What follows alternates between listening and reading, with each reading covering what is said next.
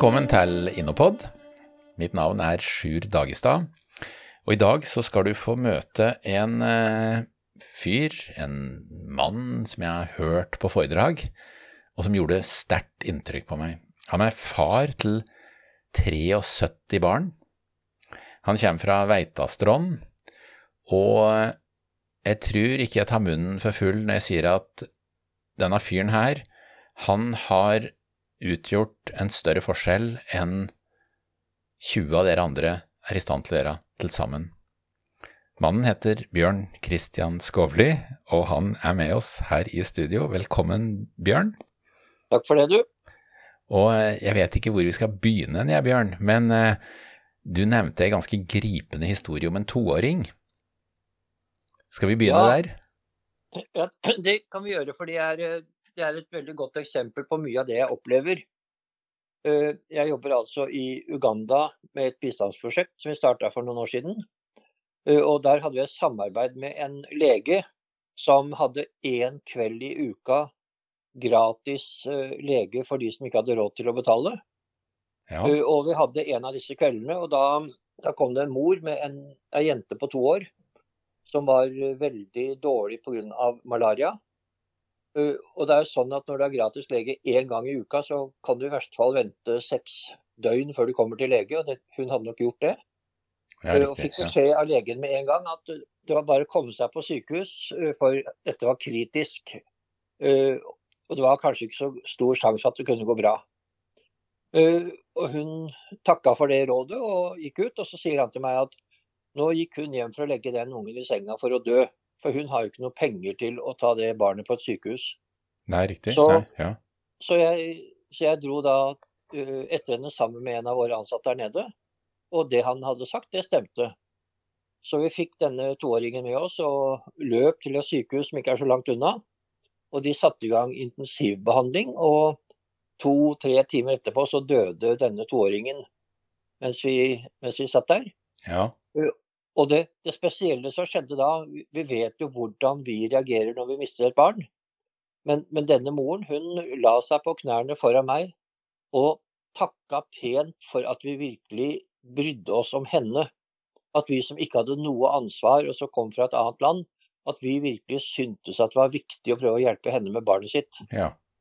Det var en, det var en sterk opplevelse. Ja, det skjønner jeg. Det skjønner jeg. Og, og, og dette her avslører jo også hvor vi skal hen. Vi skal til Uganda, Det er riktig.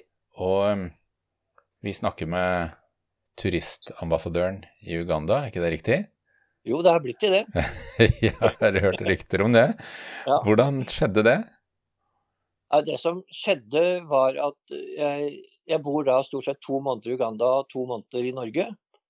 To måneder for å bruke penger og to måneder for å skaffe penger. Uh, Og hver gang jeg skulle nedover, så måtte jeg ha visum. Ja. Og det var umulig å få til tak i sånn flergangsvisum, selv om det i teorien skal være mulig. Uh, Så jeg var litt oppgitt, så da, da tok jeg en dag og så reiste jeg til København, hvor den ugandiske ambassaden er ja. og traff en veldig hyggelig ambassadør, Saki Kibedi, som da ordna uh, visumspørsmålet i løpet av noen minutter. Og så hadde vi en dag sammen i København, prata om likt og ulikt som gjaldt forholdet mellom Uganda og, og oss her oppe i nord. Uh, og han kjørte meg til ferja, så jeg kunne ta danskebåten hjem igjen da på ettermiddagen. ja. Og, ja, og vi hadde fått en greit forhold. Så gikk det 14 dager, og så ringte han og lurte på om jeg kunne gjøre han en tjeneste. Fordi de skulle ha en næringslivskonferanse for nordiske bedrifter som kunne tenkes å etablere seg i Uganda, med finansminister og innenriksminister og parlamentsmedlemmer. Og så hadde hovedtaleren meldt forfall. Og det var jo Sakes ansvar å lage en god konferanse, så han var litt i nød. ja. Så det endte med en avtale om at jeg skulle holde det hovedforedraget. Jeg, Ja, jeg, jeg, jeg dro til København og fikk da to dager før konferansen sammen med, med denne delegasjonen. Og ble jo da godt kjent både med finansminister Matja og innenriksminister Obiga. Det er Ugandas minister, altså? Ja. Ja. Uh, og, og konferansen gikk veldig bra. Jeg fikk beskjed av finansministeren å ta kontakt med han jeg kom tilbake til Uganda. Og det gjorde jeg. Han hadde da fortalt uh, kabinettet sitt at uh, han hadde møtt en, en artig skrue oppe i nord. Og jeg var, ble da presentert for dem og fikk et veldig godt nettverk på det nivået. Ja. En stund senere så ble jeg innkalt til et møte på Sheraton hotell. Og da uten noe særlig program. Og da var det utdeling av noen ulike priser. Og så ble jeg plutselig ropt opp med beskjed om at jeg skulle komme fram fordi jeg var da utnevnt til turistambassadør eh, for Uganda til Kina og Norge. Oi. Kina og Norge, ja. Ja, to, to stormakter. Ja, vil bak, bakgrunnen for Kina var at, eh, at for noen år siden så, så brukte jeg litt tid i Kina for å lære litt grunnleggende mandarin, sånn at jeg kan kommunisere med bedrifter i Kina uten å være avhengig av tolk. Ja, for det er jo helt naturlig når du kommer fra Veitastrand. Da, da snakker du ikke naturlig mandarin. Det er noe man Nei, spiser. Ja, det, er- det, det, er, det er få her inne som snakker mandarin. Ja, Eh, For, for mange så er det jo vanskelig nok å skjønne hva veitastedingene sier. ja, ja. ja. Det, det kan stemme, det. ja. Nei, så så, så det, var, det var eh, Sånn skjedde det. Men det aller viktigste med det, det var jo at jeg fikk jo etablert et, et nettverk og innganger til myndighetspersoner som har vært veldig viktige seinere. Ja. Og, og vi, skal, vi skal inn på et prosjekt etter hvert nå. Vi skal inn på eh, Team Care for. Og du, du er jo på en, på en viktig oppgave, en viktig reise, om vi skal si det sånn. Eh, ikke sant? Det er riktig. Vil du Eh. si noe om prosjektet? For det, det, det er egentlig for deg som lytter. Nå er vi ved kjernen eh, av det vi skal snakke om, nemlig prosjektet eh, Team Care for. Ja, og det, det starta med i 2015, da vi hadde denne flyktningkrisen hvor så mange forsøkte å komme over Middelhavet og altfor mange drukna. Og da, da ble jo det det store fokuset i Europa. Eh, Dessverre så er det jo sånn at eh, veldig ofte så blir det jo sånn ensaksengasjement. Og det gjorde at midler til mange andre viktige formål ble borte. Mm. Jeg tror det er veldig få som husker at det var en katastrofe i Nepal som tok forsidene hver dag inntil Middelhavet overtok. Etter Ja. et jordskjelv, jordskjelv i Nepal hvor uh, unger da frøs i hjel pga. at de ikke hadde nødvendig beskyttelse. Men det, det forsvant da pga. Middelhavet. Og vi opplevde det i forhold til aktiviteter i Afrika, hvor f.eks. malaria tar livet av 1500 barn hver dag. Så vi starta da et prosjekt med å dele ut moskitonett til eh, sårbare grupper, altså unger i utsatte områder. Ja. Uh, Og har delt ut 70 000 moskitonett uh, i det prosjektet. Før, før bl.a. påvirkning av oss og mange andre eh, gjorde at myndighetene i Uganda overtok det. Så nå deles det ut moskitonett til alle under 15 år i Uganda. Ok. 22, millioner, 22 millioner. Og hvordan, hvordan, fikk, hvordan fikk du tak i 70 000 nett? Det, det kjøpte vi lokalt i Uganda. For det er noe av det viktige er at vi kan Det koster litt mer enn om vi hadde kjøpt kinesiske nett, men vi, det skapte mange arbeidsplasser. Oh ja, så de er lagd, lagd i Uganda? Det er lagd i Uganda, ja. Ja.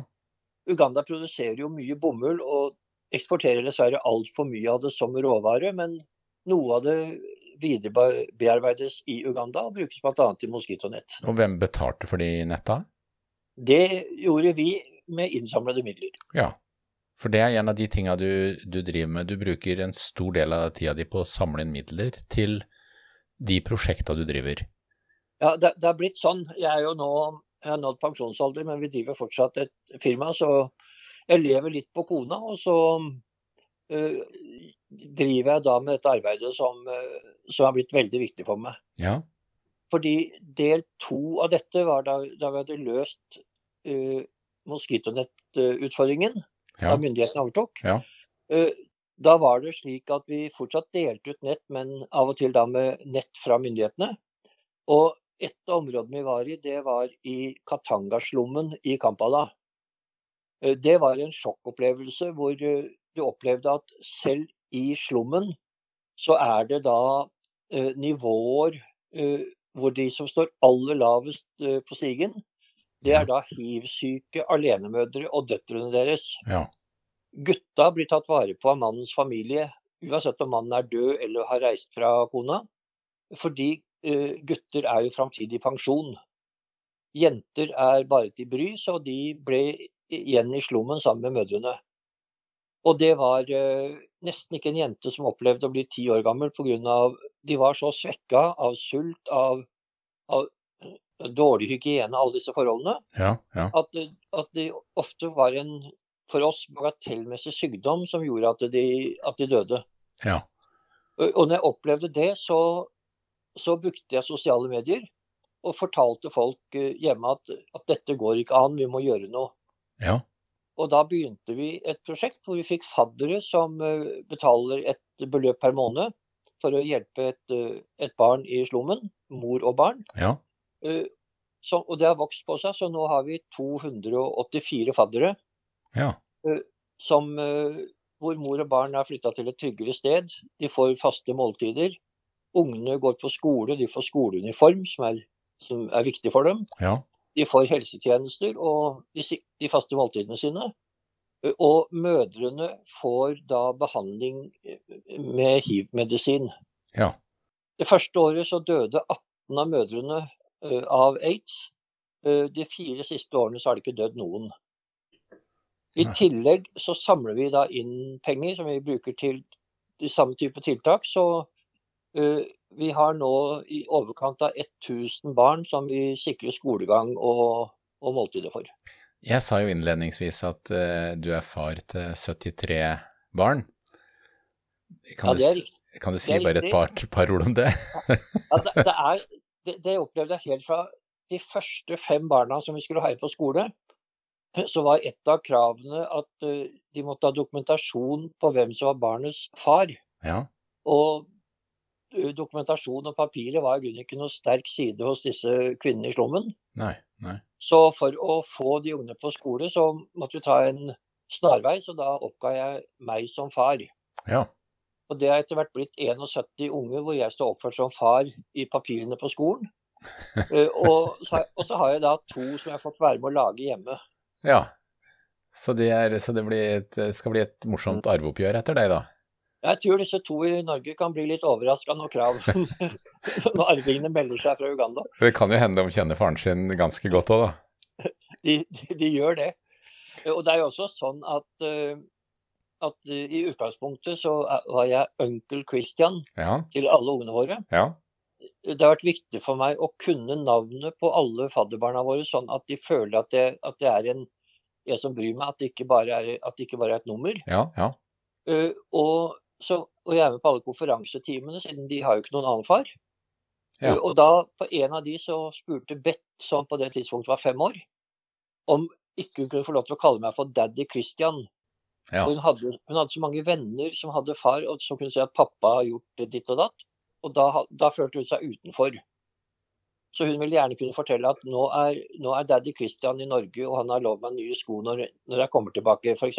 Ja. ja. Så diskuterte det litt med eh, de skolene vi bruker, og vi var enige om at det var et godt forslag. Så nå er jeg daddy Christian til hele gjengen. Ja, gratulerer. Det er, jo, det er jo imponerende. Men du, du er i gang med et prosjekt nå, du, som du er i Norge for å samle inn penger til, og, og, du, skal, og du, svett, du skal svette deg gjennom ei løype for å få de midlene du er ute etter. Det er tre millioner du, kroner du er ute etter, stemmer det? Det er riktig. Og det, det, er, det er sånn at eh, når det, kommer, når det er ferdig med videregående skole, og det er jo så langt vi finansierer ungene våre, altså til og med videregående skole, så er det uh, neste trinn da, det er jo en, en høyere utdanning. Ja. Og det, er- det koster ganske mye penger. Og da er det slik at de forholdsvis få som har råd til den kostnaden, de er også opptatt av statusen som følger med. Så de vil gjerne ha ungene sine på universitet, og gjerne få en master i et eller annet fag. Ja. Eh, Derimot så er det nesten ingen som vil ha ungene sine på, på fagskoler.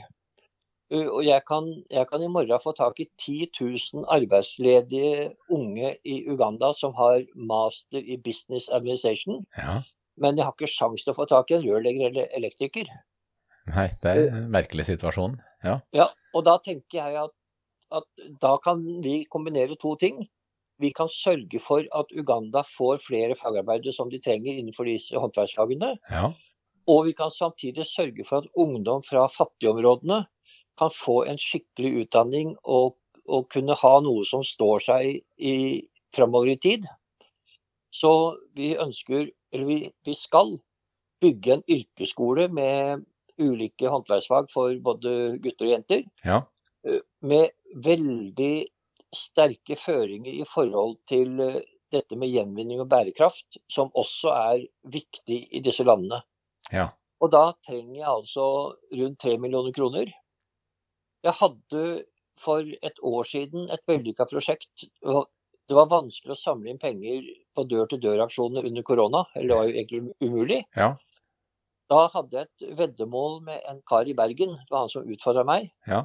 Og hvem av oss som kunne gå lengst på 100 dager, og hvem som kunne skaffe mest penger. Ja. Så da gikk jeg 1102 km, mista 14 kg og fikk inn 240 000 kroner. uh, dessverre så har jeg funnet igjen de kiloene, men uh, det var jo en god opplevelse og en lærerik opplevelse. Ja, ja. Så da tenker jeg at hvis jeg ganger ut det med et eller annet, så burde vi kunne klare 3 millioner til en skole. Så 1. april starter jeg på Veitastrond og skal sykle til Kampala. ja. Og hvor langt er det? Det er 6400 km vi skal sykle, og målet vårt er å få inn 50 øre per meter. Ja, 3,2 millioner blir det da. Ja. Og um, hvem er det som sponser prosjektet? Ja, til nå så det, har det vært eh, stort sett vært private, og det har vært et par Lions-klubber. Jeg, jeg var leder for Lions i Norge for noen år siden. Ja. Og, og de klubbene er jo ofte flinke til å gi bidrag. Ja. Men, men vi jobber jo å få med også noen, noen større sponsorer. Eh, Og jeg har en, et opplegg. Så vi ønsker å besøke 200 Lions-klubber på turen. Ja. Og så har jeg i, i mitt hode funnet ut at de kommer til å bidra i snitt med 5000 kroner per klubb. Ja. Da har vi én million. Riktig. Ja. Det Og er, så, har jeg, og så får jeg en, en ganske god støtte fra Luster kommune. Uh, samtidig som ordføreren i Luster, som også er fadder for øvrig, ja. uh, han skriver en anbefaling til andre kommuner på veien vår fra Veitastrand til Sicilia Ja. om å gi et bidrag til dette prosjektet og et kommuneflagg som vi kan ha med oss til Uganda. Ja.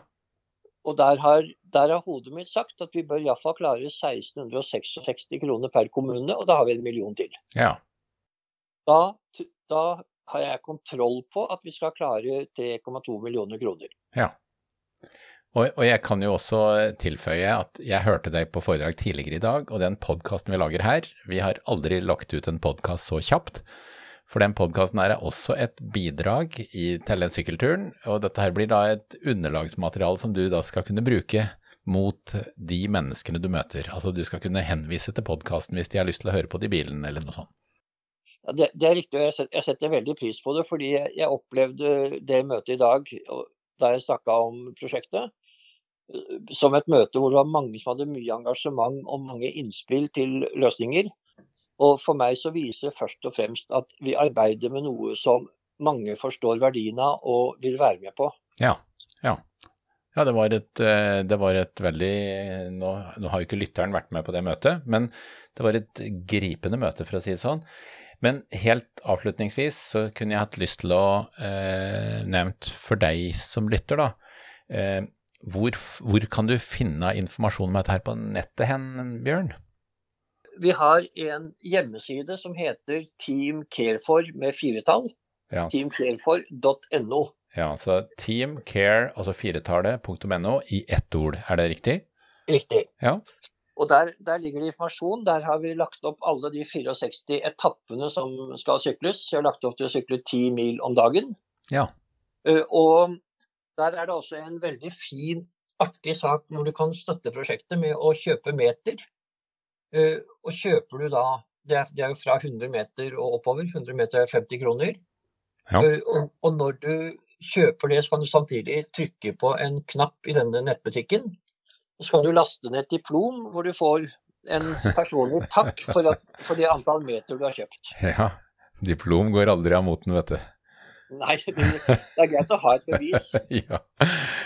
Du, vet du hva Bjørn, dette her var helt nydelig å høre på, så jeg må si hjertelig tusen takk for at du hadde tid til å, å dele tanker og prosjekter med oss.